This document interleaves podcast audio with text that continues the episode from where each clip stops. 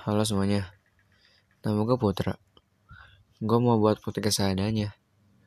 Gue bakal buat podcast tentang pengalaman horor atau juga pengalaman percintaan. Oh iya, ini bukan episode pertama BTW. Ini gue buat cuma buat pengenalan aja. Semoga kalian tertarik buat dengerin podcast gue ya. Dah.